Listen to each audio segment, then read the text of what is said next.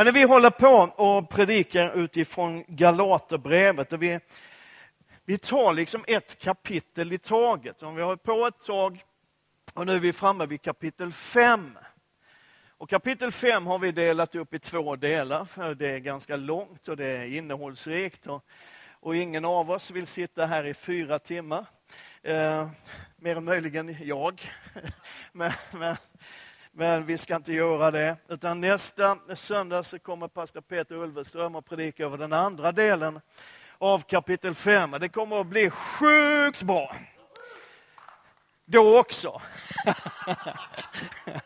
Men när vi läser texten, det står så här, Galaterbrevet 5 från vers 1. Till denna frihet har Kristus gjort oss fria.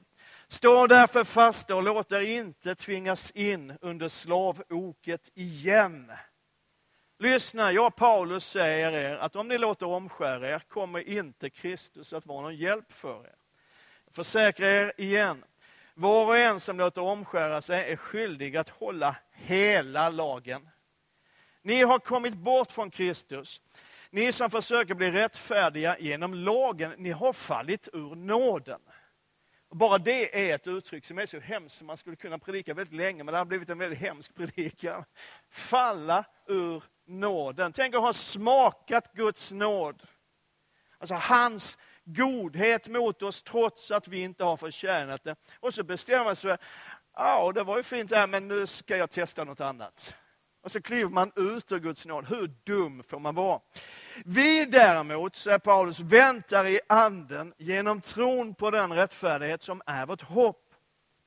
I Kristus beror det inte på om vi är omskurna eller oomskurna, utan om vi har en tro som är verksam i kärlek. Ni började bra. Vem hindrade er så att ni inte längre lyder sanningen? Men den övertalningen kom inte från honom som kallar er. Lite surdeg syrar hela degen. Jag för min del litar på, litar på er i Herren att ni inte ska vara av en annan mening. Men den som skapar förvirring bland er, han ska få sin dom, vem han än är. Bröder, om jag fortfarande predikar omskärelse, varför blir jag då förföljd? I så fall vore korsets anstöt borta. De som hetsar er borde gå och kastrera sig. Titta inte på mig sådär, för jag bara läser till. De som hetsar borde gå och kastrera sig och det är ändå något mildare än en eh, översättning i NT81 som säger att de kan lika bra skära av sig alltihop. Står det där. Ni är kallade till frihet bröder och systrar. Låt bara inte den friheten ge köttet något tillfälle utan tjäna varandra i kärlek. För hela lagen uppfylls i ett enda budord. Du ska älska din nästa som dig själv. Men om ni biter och sliter i varandra, se då till att ni inte slukar varandra. Så lyder den heliga skriftens ord. Gud, vi tackar dig. Vi har tappat hela det lutherska arvet. Paulus ägnar hela brevets inledning till att slå fast att vi är kallade till ett liv i frihet. Och det enda sättet att leva ett liv i sann frihet är att förlita sig helt på Jesus och ingenting annat. Det har vi talat om nu några söndagar. Och Paulus har visat att varje försök att lägga till någonting till evangeliet, varje försök att lägga någonting till vad Jesus redan har gjort, är totalt förödande. Och så nu i slutet av sitt brev så börjar Paulus, Paulus och tala om hur man lever det här nya livet i frihet. Och förra söndagen när, när Stefan Wendelius predikade, så började han sin predikan med att ställa den här frågan, vad är frihet? Och han konstaterar då att, att liksom det här ordet frihet kan betyda olika saker för olika människor. Vi lägger lite olika meningar i det begreppet, frihet. Och Stefan visade en av sina favoritbilder på det här trädet som har tagit sig utanför de givna gränserna. Och för någon så är frihet friheten att kunna göra som man vill, att strunta i gränser och, och liksom uppgjorda regler och sådär. Jag gillar den bilden, jag tycker den är rätt skön. Jag har också en sån här favorit ungefär på samma tema, den här tycker jag är ännu bättre. Jag fick den här för många år sedan, den står liksom, var tjejen till höger. Var inte så där likformig, du behöver inte vara som alla andra. Gör som du är, liksom friheten att i alla lägen få vara sig själv. Det är också härligt, eller hur? går man på, på något lexikon eller om du googlar vad frihet betyder, så får du antagligen upp någonting i stil med det här. Att det handlar om rätten och makten att handla, tala och tänka som man vill. Och för det andra, ett tillstånd av att inte vara fängslad eller förslavad. Och det är för oss, vi som lever i ett av världens friaste länder, för det är Sverige, så handlar frihet ofta om sånt här att få göra det man vill och att få vara den man är. Och man får ju liksom vara den man är om man inte är som man ska. Eller hur det man säger. Och det där är ju bra. Jag, jag, tycker det är bra. Jag tycker att vi som församling, vi, vi skulle uppmuntra det här lite grann. Var som du är. Du behöver inte bli en sån här likformad, hyperreligiös, konstig människa. Den helige Ande gör oss inte konstiga, den helige Ande gör oss fria. Amen. Om du är konstig så är det inte den helige Ande som har gjort det, det är du själv. Men vi ska komma ihåg, i vår ganska snäva och lilla förståelse av vad frihet egentligen handlar om, så ska vi komma ihåg att genom hela mänsklighetens historia, i hela vår värld, har funnits och fortfarande finns människor som har betalat ett väldigt, väldigt högt pris i sin kamp för den frihet som du och jag tar som något ganska självklart. Jag tänker på August Landmesser. Han jobbade på ett varv i Hamburg. Och den 13 juni 1936 så besökte Adolf Hitler det här varvet för att vara med om en sån här dopceremoni av ett nytt stridsfartyg. Och August Landmesser står mitt i ett hav av människor som hälsar diktatorn med den typiska nazihälsningen och han vägrar sträcka ut sin arm. Det är frihet. Han var förlovad med Irma, äcklaren, judinna. Och han kunde inte hylla den som ville förtrycka deras liv tillsammans. Och så småningom så blev August landmässigt dömd till tre års straffarbete eftersom han har vanhedrat den ariska rasen. Irma skickas till koncentrationsläger i Bernsburg. De ser aldrig mer varandra. Priset som Landmässor betalade var högt, men han hade någonstans ändå fått med sig känslan, jag har stått upp för den jag är och för min frihet. Ett friheten har ibland ett pris. 28 augusti 1963 så håller Martin Luther King sitt berömda tal I have a dream vid Lincoln Memorial i Washington. Och han avslutar det med orden Äntligen fria.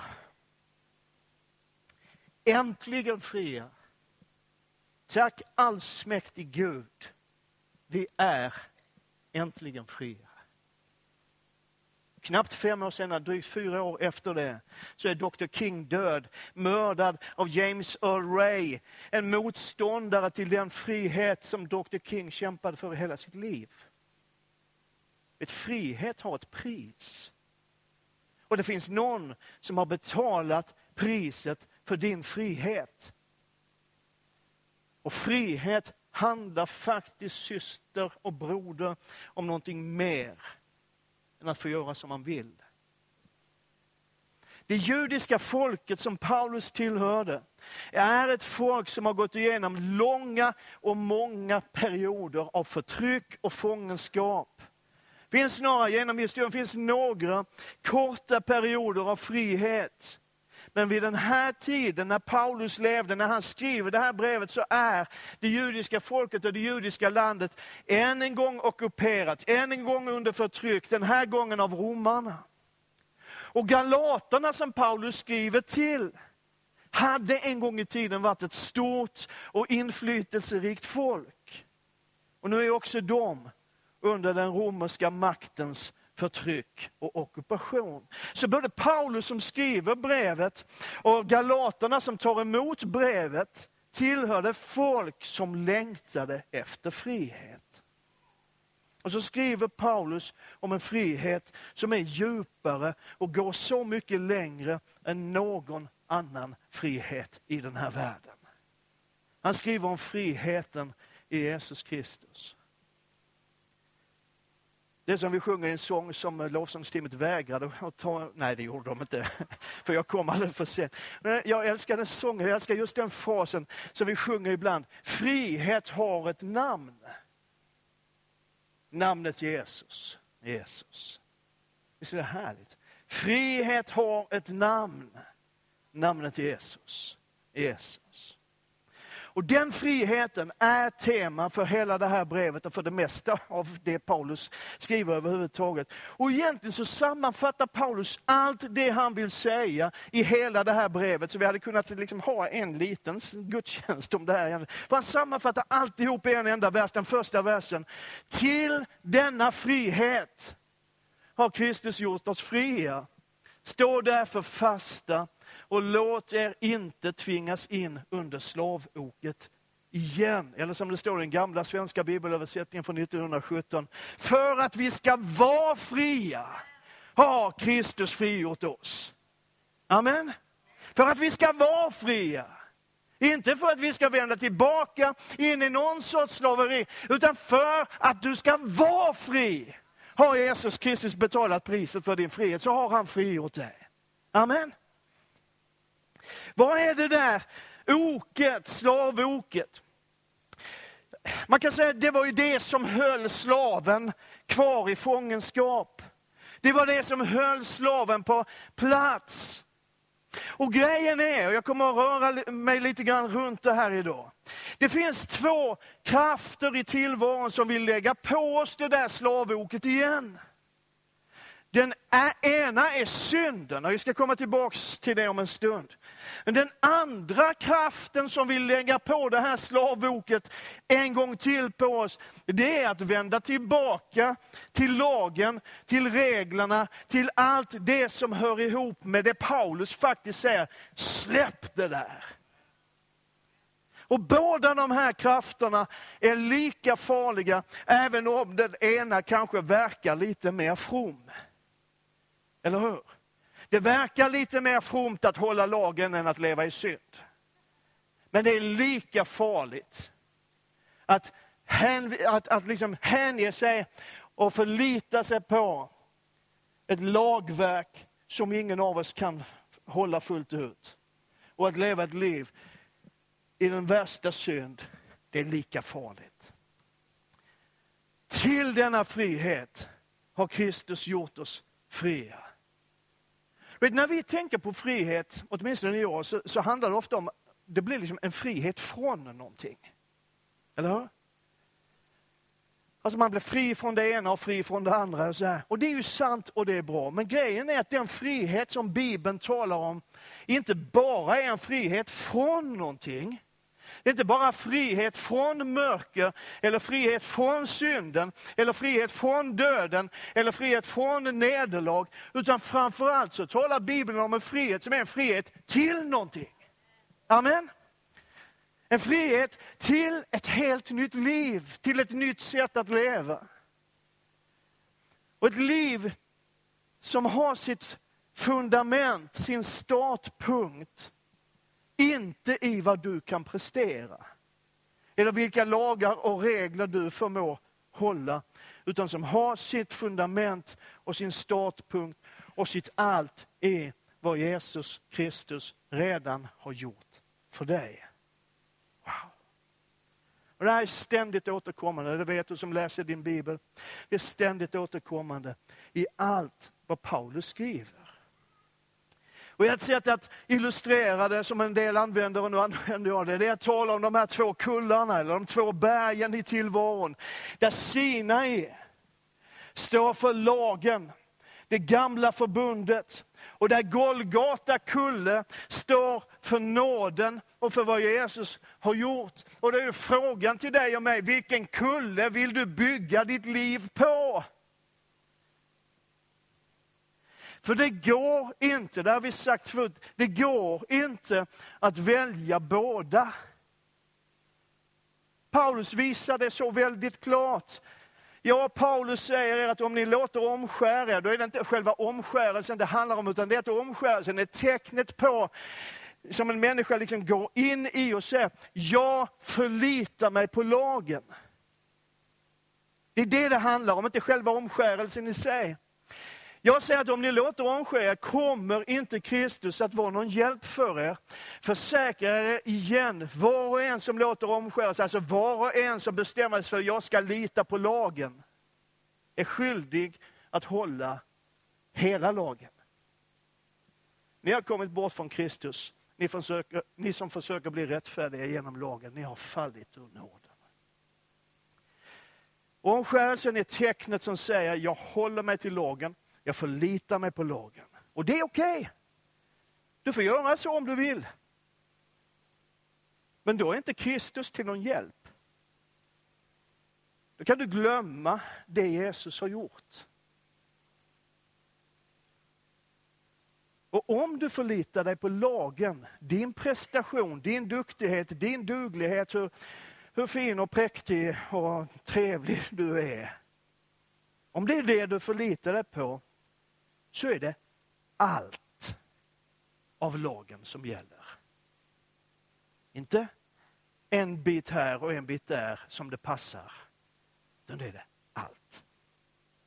Och i så fall så har du fallit ur nåden.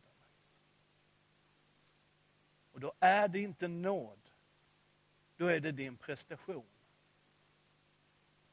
Och Paulus utmanar oss lite grann de peppar oss också. Så Varsågod och välj. Och jag vet inte hur det är med dig. Du är säkert mycket mer präktig än vad jag är. De flesta människor är det faktiskt. För mig är det valet väldigt, väldigt lätt. Om du kan få all den himmelska världens andliga välsignelse gratis utan att ha förtjänat det av bara nåd eller om du ska sträva och slita och släpa ett helt liv efter ett regelverk där du ändå vet, jag kommer inte att fixa det. Hur svårt är det valet? Jag vet vad jag väljer.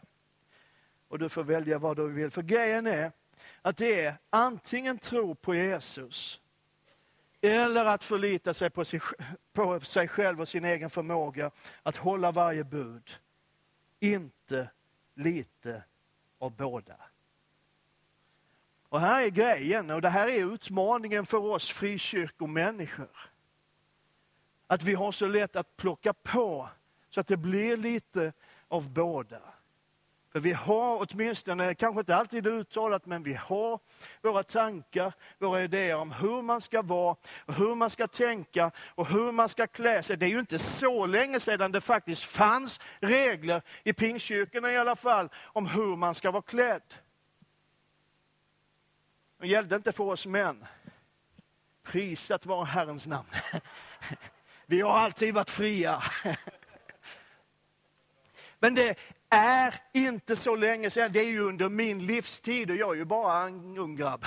Men det är ju inte så länge sedan du skulle ha hatten på dig i kyrkan om du var kvinna. Det är inte så länge sedan din kjol skulle gå nedanför knäna och du inte fick visa dina bara armar. För bara armar är det mest upphetsande som finns för oss män. Det där måste du skyla. Alltså det är, det är inte mer än kanske 40-50 år sedan. Så plockar man på grejer. Du får inte göra det, du får inte göra det, du får inte tänka så, du får inte vara där, du ska inte gå dit, du ska inte läsa det där, du ska inte se på det, lyssna inte på den musiken. Det har funnits med oss hela resan. När jag var ganska nyfrälst var det populärt med skivbål. För man fick inte lyssna på vilken musik som helst. Utan man skulle lyssna på andesmordmusik. Och jag höll på att säga något jättedumt nu, men det gjorde jag inte. Så det, det, var, det, det, hände liksom i ungdomssamling att ungdomspastorn liksom brinnande och glad och ville få ungdomarna att verkligen följa Jesus. Så samlade ihop ett stort bål av LP-skivor. LP-skivor är en sån här gammal sak eh, med musik på. Och så eldade man upp alltihopa. Det här var i min ungdom, när jag var 18-19 år, det är 40 år sedan.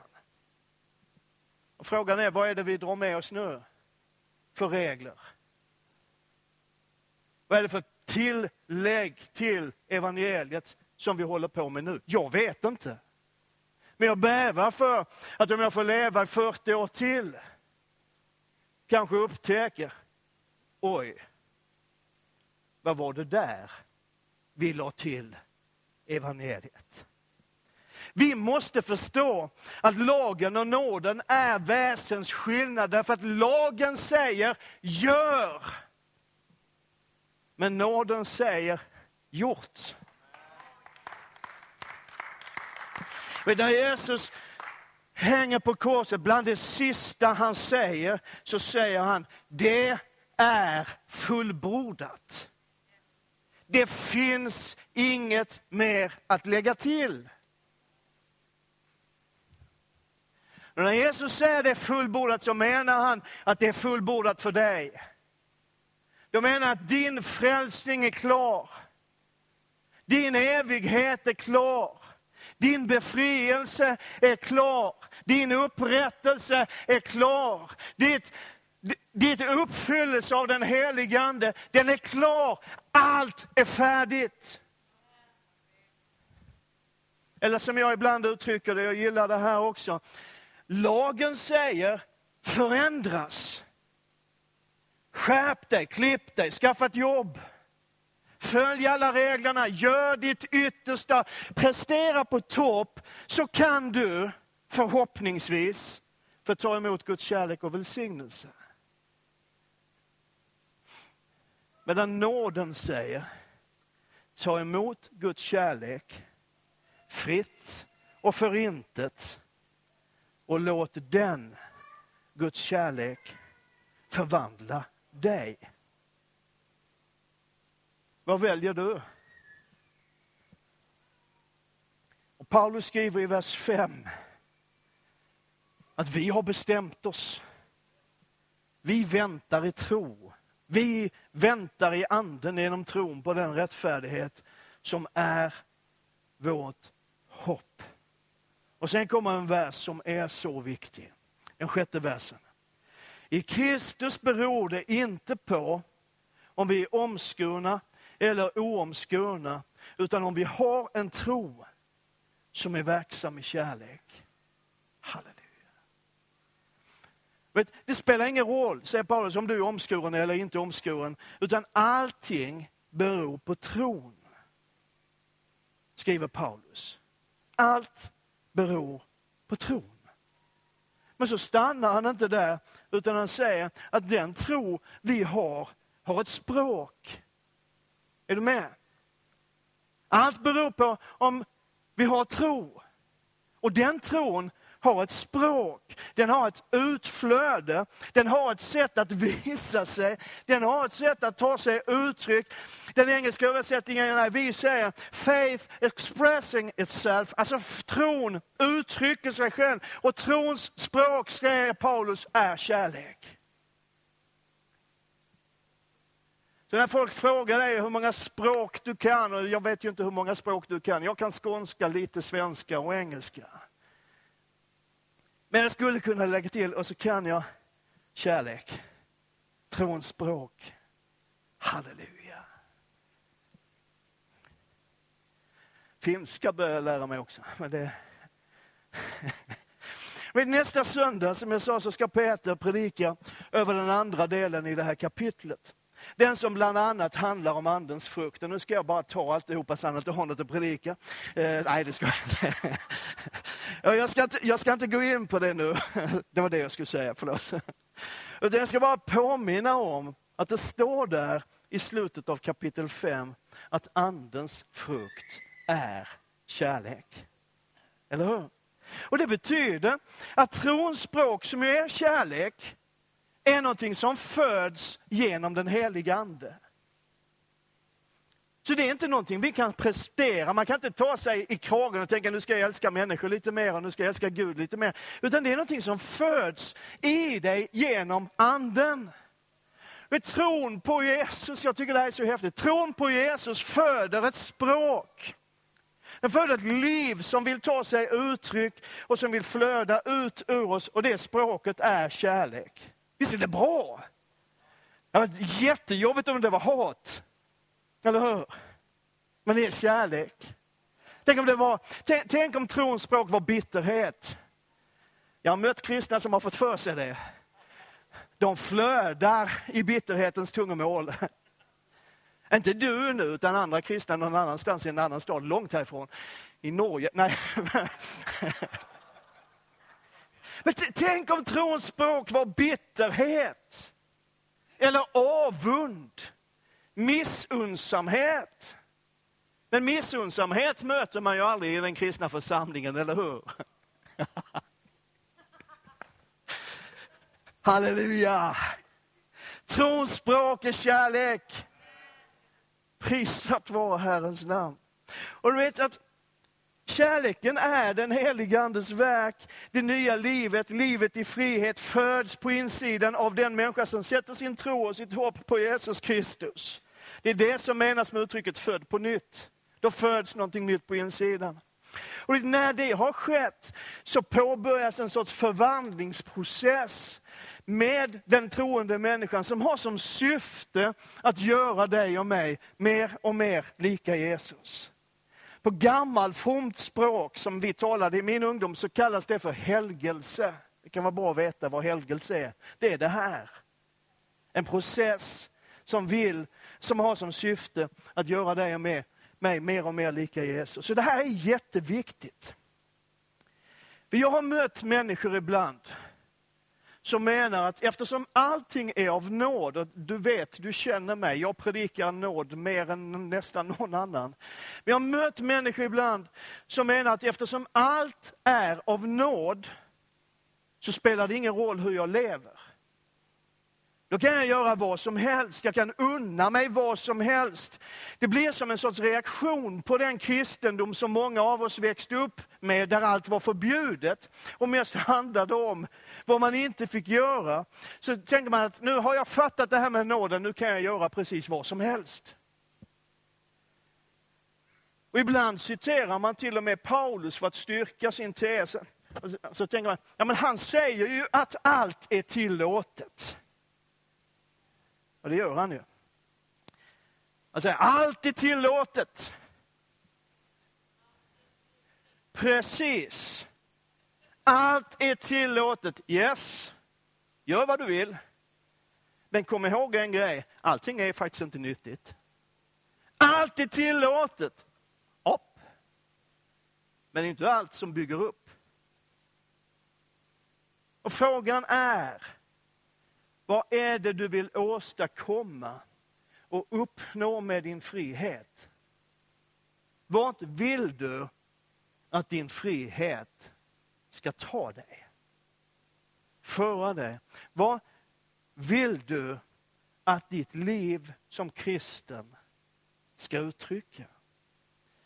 För det finns en sorts självisk frihet som egentligen bara går ut på att jag ska få som jag vill och göra det jag vill.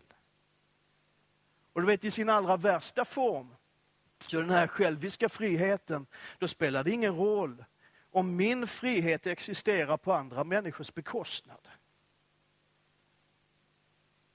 I den här texten ifrån första Korinthierbrevets eh, tionde kapitel så fortsätter Paulus och så säger han, ingen ska söka sitt eget bästa utan den andres. Och det här är hela grejen. Att den här friheten som vi har fått i Jesus, genom Jesus, tillsammans med Jesus, handlar inte om att jag ska få göra precis allt jag vill, hur jag vill, när jag vill och som jag vill. Utan den handlar om att Jesus har gjort mig fri att vara den som Gud har skapat mig att vara. Och Det handlar om att den tro som jag har får ta sig uttryck i kärlek och omsorg och hänsyn till andra människor. Vet, ibland så får jag frågor om det man kallar de kristna reglerna. Det händer ibland när man pratar med människor som inte tror så särskilt mycket och kanske inte tror alls. Och så och de, de, har en del idéer om vad kristen tro handlar om. Så. Jag fick en fråga, det är inte så där jättelänge sedan. Varför är ni frikyrkliga så restriktiva med alkohol? Är det för att Bibeln förbjuder alkohol? Nej, det kan man nog inte säga för det gör inte Bibeln. Det här är en point. Jag kanske trampar på någon öm tå. Det har du för stora fötter i så fall. Eh, men, Men grejen är att om jag vill leva ett liv i tro, ett liv som tar sig uttryck i kärlek, så kanske, kanske jag någon gång i alla fall borde tänka på att det finns de som inte kan stanna vid ett litet glas rött till maten. Eller en öl på verandan en sommarkväll. Eller hur? Det betyder inte att inte du får göra det. Men du kanske ska tänka på när du gör det i så fall. Är du med? Det är väldigt tyst i ena kyrkan just nu. Jag fick en fråga för ett par år sedan. Varför är ni pingstvänner? För då var jag pingstvän på den tiden, och det är jag fortfarande, men nu är jag FK också. Men jag fick frågan, varför är ni så hårda och negativa när det gäller sex? Vill ni begränsa människors njutning? Är det för att sex är något fult? Det är faktiskt tvärtom. Vi tror att sex är en fantastisk och vacker gåva som Gud har gett oss människor. Men vi tror också att den mår bäst och att vi mår bäst av att sexualiteten får utvecklas och vara till glädje för två människor som är beredda att ge mer än sina kroppar till varandra för en kvart eller 20 minuter eller fyra minuter eller vad det nu tar. Två människor som är beredda att ge sig själva till varandra med allt vad man har och allt vad man är, för alltid.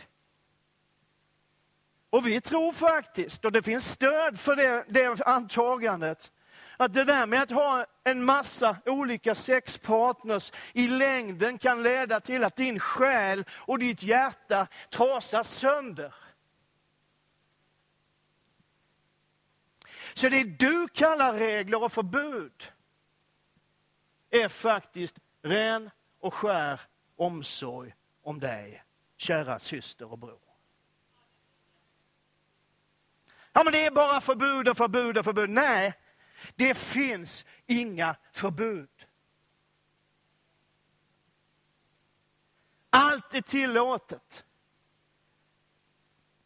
Men du vet, det är inte allt som är bra för dig. Och det är inte allt som du vill göra som är bra för andra. Tron talar kärlekens språk. Låt mig få göra det här väldigt klart så att du inte sitter här nu med fördömelse och, och elände. Alltså om du misslyckas med att leva heligt om det liksom finns potholes på din väg till helgelse. Om du kan känna ibland, som en del av oss kan känna lite grann ibland, att man inte alltid liknar Jesus sådär jätte, jättemycket. Och det är så därför att du är svag. Så påverkar inte det din ställning inför Gud ett enda dugg. Låt mig få slå fast det. Varenda en av oss brottas och kämpar på olika områden.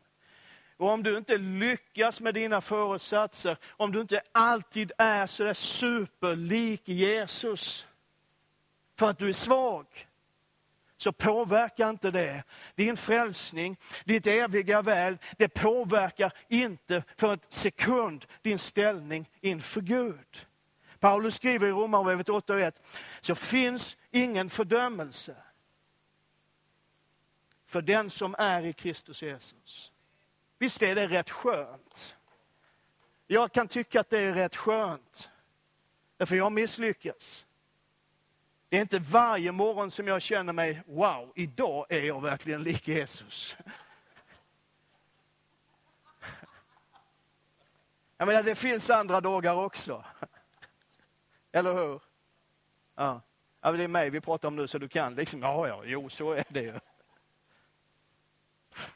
Men om du med vett och vilja och fullständigt medvetet ger dig in i det som Bibeln kallar synd, så kliver du in i ett nytt slaveri. Och då är du inte längre fri.